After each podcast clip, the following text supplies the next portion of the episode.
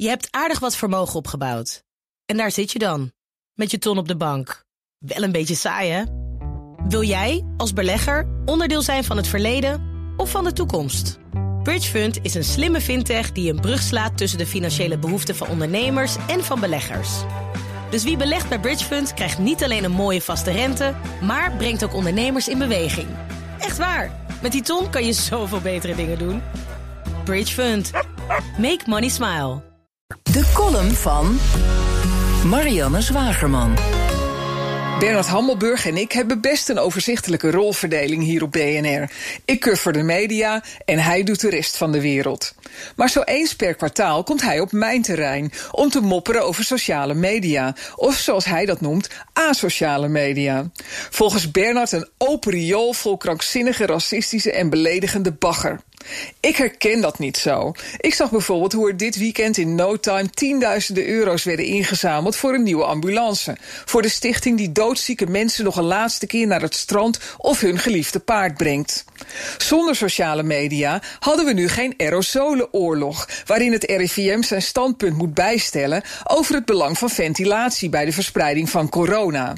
Maar, en daar vinden Bernard en ik elkaar dan toch, er is ook een vervelende bijvangst door de gewenning aan de maakbare wereld van sociale media, waar iedereen elke dag de onhaalbaar beste versie van zichzelf kan voorspiegelen. Anna Nushin, een van de bekendste influencers van Nederland, opende vorige week in Amsterdam haar Instagram museum.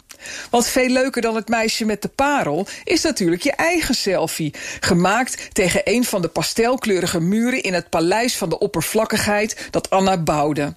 Toen een journalist het waagde met draaiende camera een kritische vraag te stellen, kapte ze het interview meteen af. Want zo zijn we niet getrouwd in de influencerwereld, waar alles amazing en awesome is.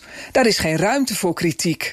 Dat Stalinistische trekje van nuffige meisjes die van dukfeesten hun beroep maakten, is helaas overgeslagen naar de rest van de wereld. Toen de coronacrisis uitbrak, kreeg de hoofdredacteur van de Telegraaf vanuit het kabinet de waarschuwing dat hij het RIVM een beetje heel moest laten. Gisteren stond op teletext de kop RIVM onderschatte coronavirus, naar aanleiding van een stuk in het NRC. Binnen een kwartier veranderde de kop in Europa onderschatte coronavirus. Ging daar een belletje van minister Bloemschoen aan vooraf? Wie de vraag stelt is een complotdenker. De Volkskrant wijde er zaterdag zelfs een special aan. De krant signaleert een zorgwekkende trend. Door corona dreigt de normalisering van het complotdenken door te zetten. Complottheorieën kunnen de volksgezondheid in gevaar brengen, waarschuwen ze. Het lijkt me gevaarlijker als we geen kritische vragen meer mogen stellen. Je hebt aardig wat vermogen opgebouwd.